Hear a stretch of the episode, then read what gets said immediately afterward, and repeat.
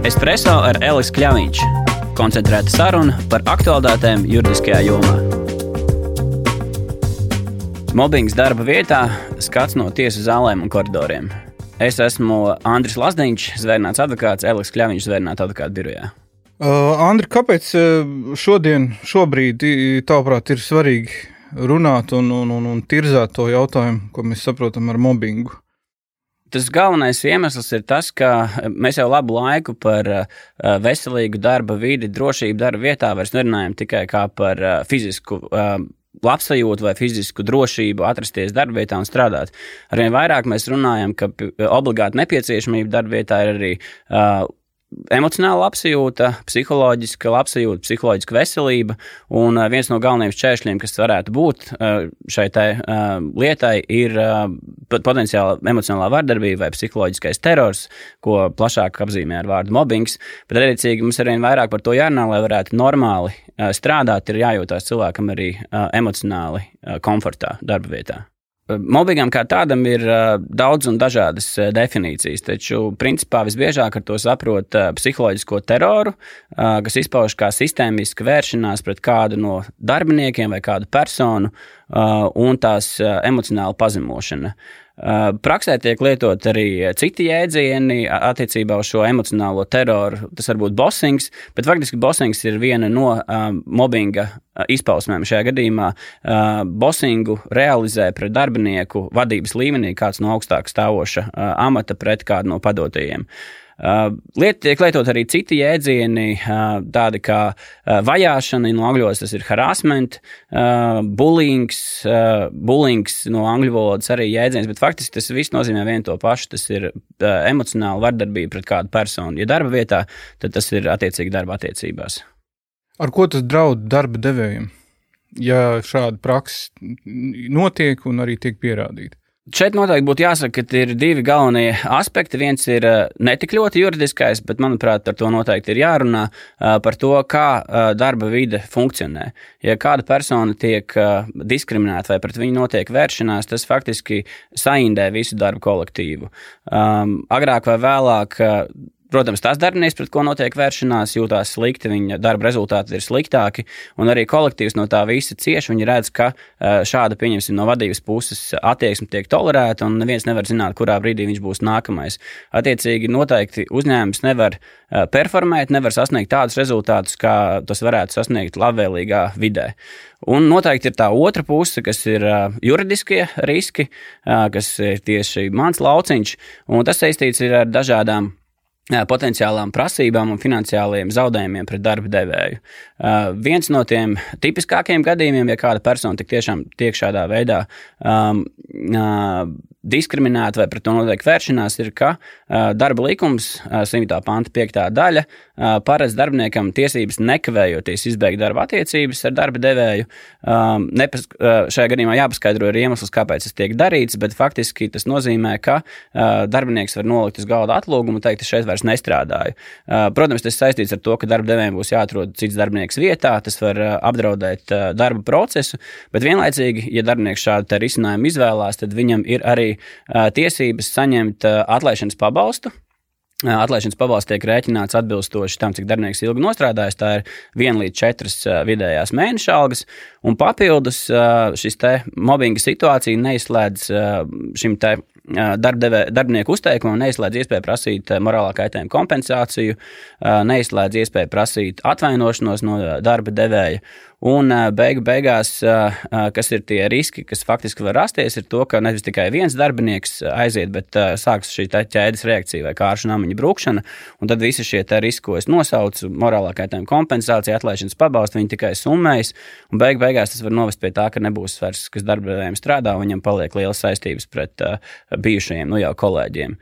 Uh, milzīgs apdraudējums tas, protams, ir reputācijai. Uh, mūsu tirgus ir salīdzinoši neliels, jebkurā no jomām, un ziņas ātri izplatās. Un, attiecīgi, ja tiks konstatēts tirgū šis te, ka darbinieki iet projām no kāda um, neciešama, ja tā var izteikties, un darba devēja, kas pieļauj šādas situācijas, tas noteikti radīs ilgtermiņā risku arī finansiāli biznesam kā tādam.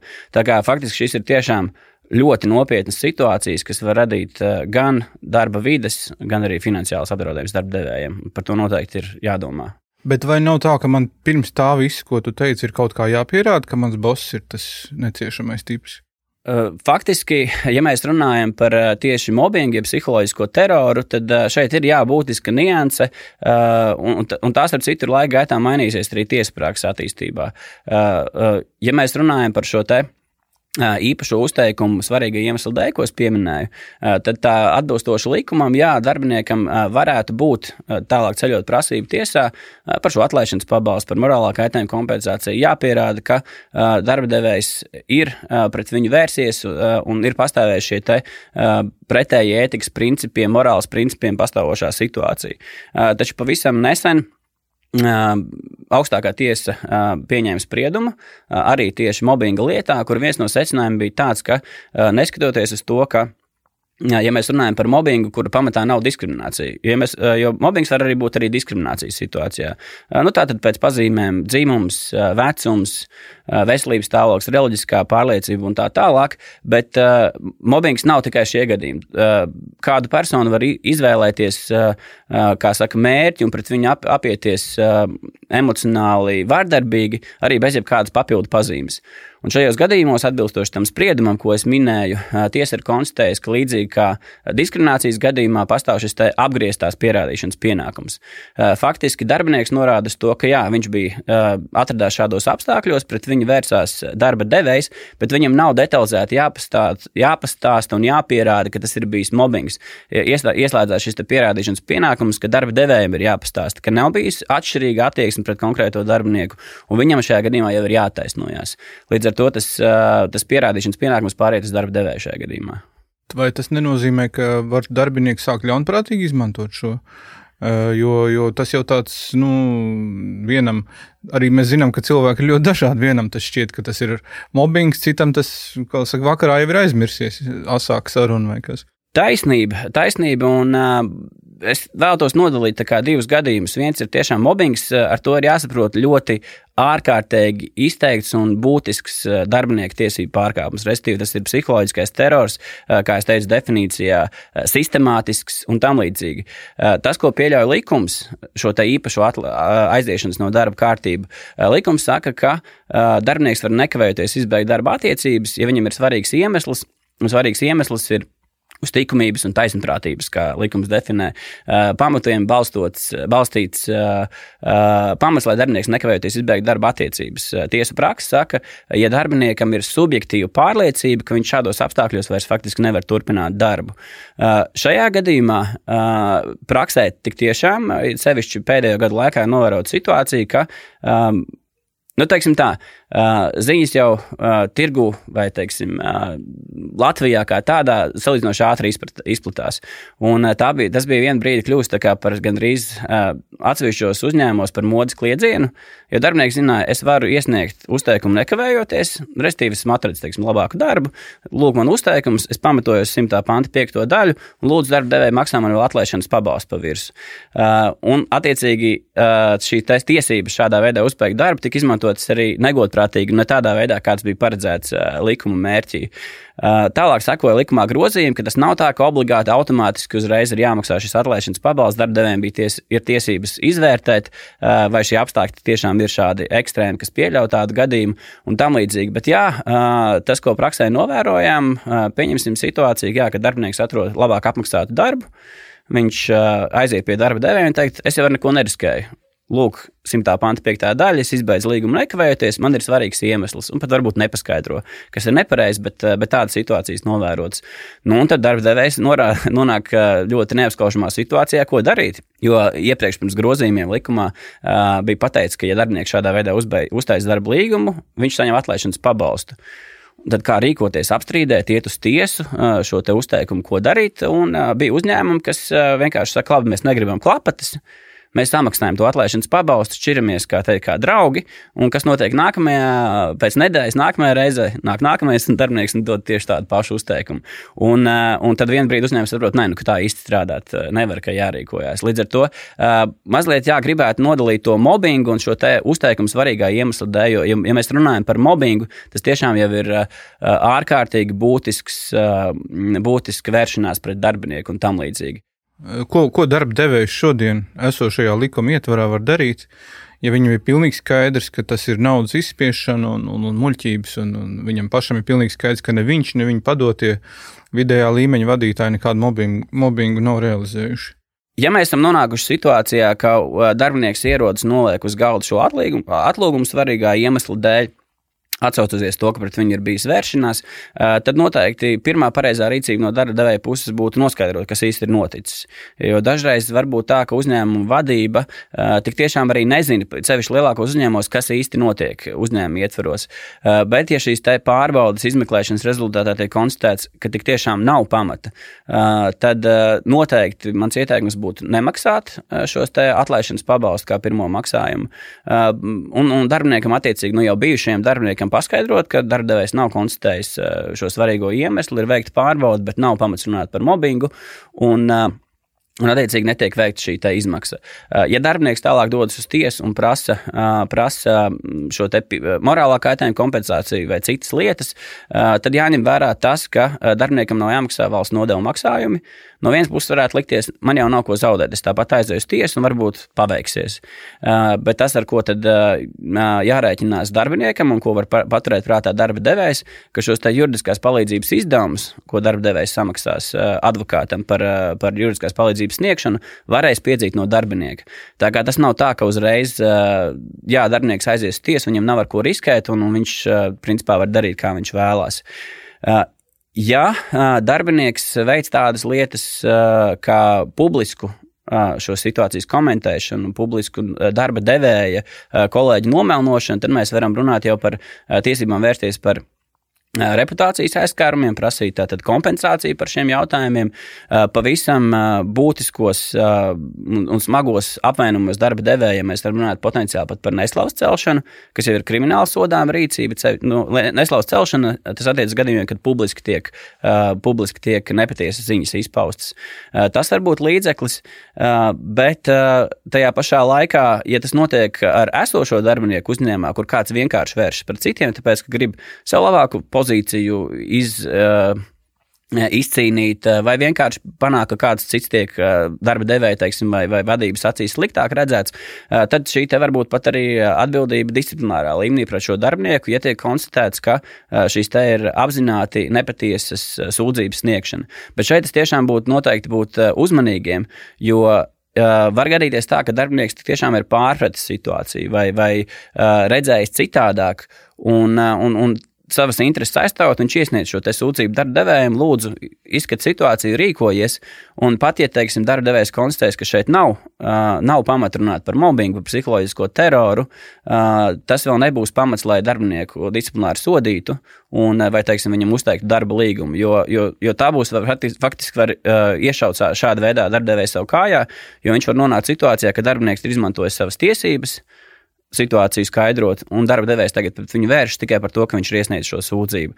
Tā kā, tā kā par šādu vēršanos pret darbinieku tiešā veidā uh, vajadzētu droši vien runāt, tad, kad mēs jūtam, ka darbinieks ir apzināti un speciāli uh, mēģinājis uh, kādu citu nostādīt sliktākā aizmā vai, vai vai panākt sev kaut kādu labvēlīgu rezultātu. Tā kā, tā kā jā, šie ir tie līdzekļi, ar kuriem, ar kuriem ir iespējams operēt, bet, bet pats par sevi ziņojumu iesniegšanu pat ja tā tiek atzīta par nepamatotu, tas vēl nav būtisks darbinieka mm, pārkāpums. Kā, cik, ar cik lielu morālo kompensāciju būtu jārēķinās darba devējiem, ja tiek pierādīts mobbinga gadījums? Jā, šis kompensāciju apmērs, ko darbinieks var prasīt no darba devēja, tik tiešām ir ļoti atkarīgs no konkrētās situācijas. Tātad, kāda ir bijusi vēršanās pret darbinieku, cik ilgi, kas ir bijušas šīs darbības, cik intensīvi iesaistīto personu lokus un tā tālāk. Taču tiesu praksa rāda, ka šīs kompensāciju apmērs ir līdz šim robežās no apmēram 700 eiro, kas iepriekš 500 lati, līdz aptuveni 3000 eiro par smagākiem mobbinga gadījumiem. Eh, vienlaicīgi noteikti ir vērts atcerēties, ka tiesu praksē kopumā, kā tādā, ja mēs runājam par morālā kaitējuma kompensēšanu, šīm kompensācijām ir tendence pieaugt. Eh, skaļākās un smagākās lietās šie, eh, šie cipari, kas tiek piezīti par labu um, aizskartajām personām ir krietni lielāka nekā varbūt pirms gadiem desmit, pirms gadiem pieciem. Līdz ar to es domāju, arī šajā gadījumā, ja mēs runājam par šiem emocionālās vardarbības gadījumiem, ar laiku arī šīs kompensācijas būs lielākas. Ko darbiniekam uh, tu ieteiktu darīt, ja viņš jūt, ka šādas lietas sākās, kā tavā piemērā, un uh, viņš saprot, ka nu, droši vien tas viss beigsies ar uh, šķiršanos un nekas uzlaboties nevarēs? Vai viņam, nezinu, sarunas ierakstīt, vai, vai, vai filmēt, vai ko viņam darīt, lai viņš pēc tam var pierādīt to visu? Jā, tas noteikti ir. Arī ļoti aktuāls jautājums par šo sarunu ierakstīšanu, nesazinoties un neinformējot darba devēju par šo sarunas ierakstīšanas faktu.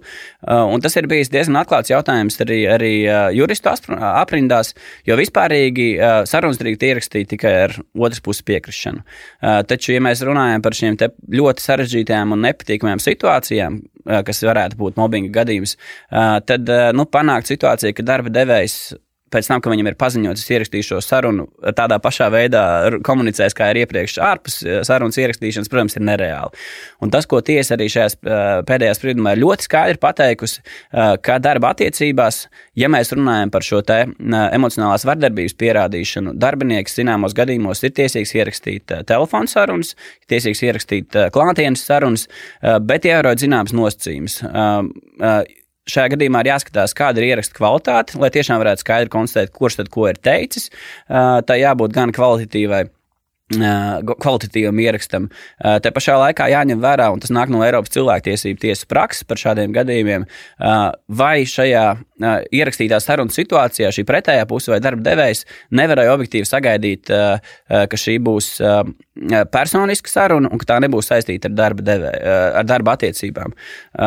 Noteikti mēs nevaram sagaidīt šo personiskumu, ja saruna notiek darba laikā, darba vietā. Šādos gadījumos noteikti jārēķinās darba devējiem, ka sarunas var tikt ierakstīts.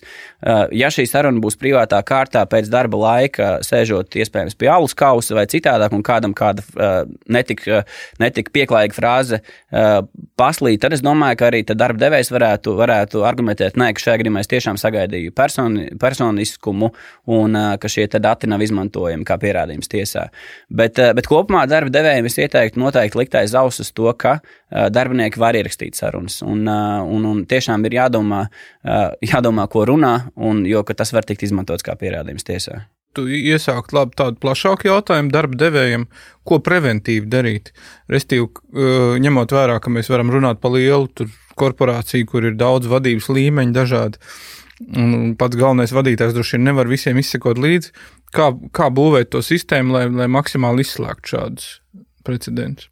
Jā, noteikti preventīva rīcība būtu vēlama. Un it sevišķi lielākos uzņēmumos, kur, jā, kā, kā minēja, uh, vadība nevar izsekot līdzi katra darbinieka gaitām un, un katras nodaļas, nodaļas rīcībai. Uh, tā preventīvā rīcība ir uh, pirmais jau par šiem jautājumiem domāt un runāt par to, kāda ir uh, darba kultūra. Uh, bet kā jebkurā juridiskā jautājumā un darba attiecībās, ir sevišķi, ja tās ir tikai sarunas bijušas, un tas būs ļoti grūti pierādīt vēlāk. Uh, tāpēc būtu šie jautājumi arī jādokumentē.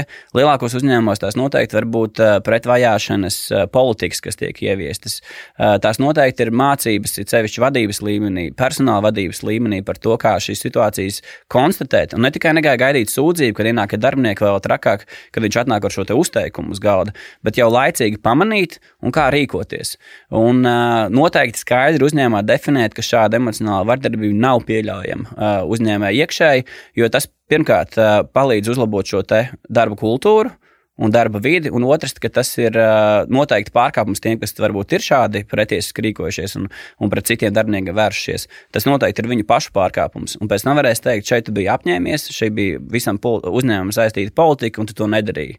Tā kā noteikti šis pirmais līmenis ir izstrādāt šīs politikas, ieviest un sekot, lai tas nav tikai papīrs. Jo papīrs eh, kā tāds neko nedod. Ir svarīgi, ka tiešām šī te, uh, kultūra uzņēmumā ir iedzīvināta, tās ir apmācības un tik tiešām uh, jā, šī kopējā, kopējā gara uzturēšana. Tas ir tas līdzeklis, ko darīt jau pirmīt, lai nenonāktu līdz šiem ekstrēmajiem gadījumiem. Likums, Latvijā likums vispār ir šobrīd darbinieku pusē vairāk vai darba devēja pusē, ja mēs vērtējam strīdu tieši šajā mobbinga kontekstā. Darba likums, darba strīdos kā tādos, un arī šajās situācijās noteikti ir darbinieka pusē. Darbinieks darba attiecībās tiek uzskatīts par sociāli mazāk aizsargāto pusi, un līdz ar to pastāvot arī tiesu lietās šaubām par zināmiem apstākļiem, tās tiek tulkots par labu darbiniekam. Tagad tas ir tas, ar ko darba devējiem jārēķinās. Rezumējot, varētu teikt, tik tiešām, ja darba vidē tiek pieļauts vai vēl sliktākā gadījumā tiek veicināta šī emocionālās vardarbības kultūra, darba devējiem uzņēmējiem var iestāties visdažādākie riski. Tas saistīts gan ar darba veikšanas rezultātu krišanos, gan ar juridiskiem, finansiāliem riskiem. Taču jā, mēs šeit vairāk noteikti runājam par tām sekām, ja šāda situācija ir radusies. Tas, ko vēlētos uzsvērt, ka ir īpaši svarīgi domāt jau preventīvi, kā šo te korporatīvo kultūru, darba vidi attīstīt un būvēt tā, lai līdz šādām situācijām nenonāktu. Viens ir jā, šīs te vidas iedzīvināšana, dažādas politikas, bet visvairāk vissvarīgākais tomēr ir šis cilvēcīgais eh, aspekts, cilvēcīgā komunikācija, jo sajūtot, eh, ka kaut kas strādā ne tā, kā vajadzētu, jau pašā sākotnē, me, eh, pašā sākumā meklēt risinājumus, kā šīs nesaskaņas potenciālās novērst cilvēcīga saruna, laba komunikācija vienmēr ir vispanākuma atslēgājs. Par to esmu pilnīgi pārliecināts.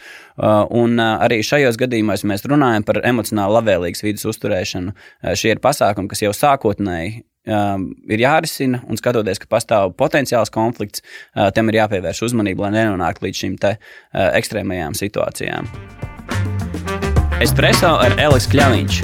Koncentrēta saruna par aktuālitātēm juridiskajā jomā.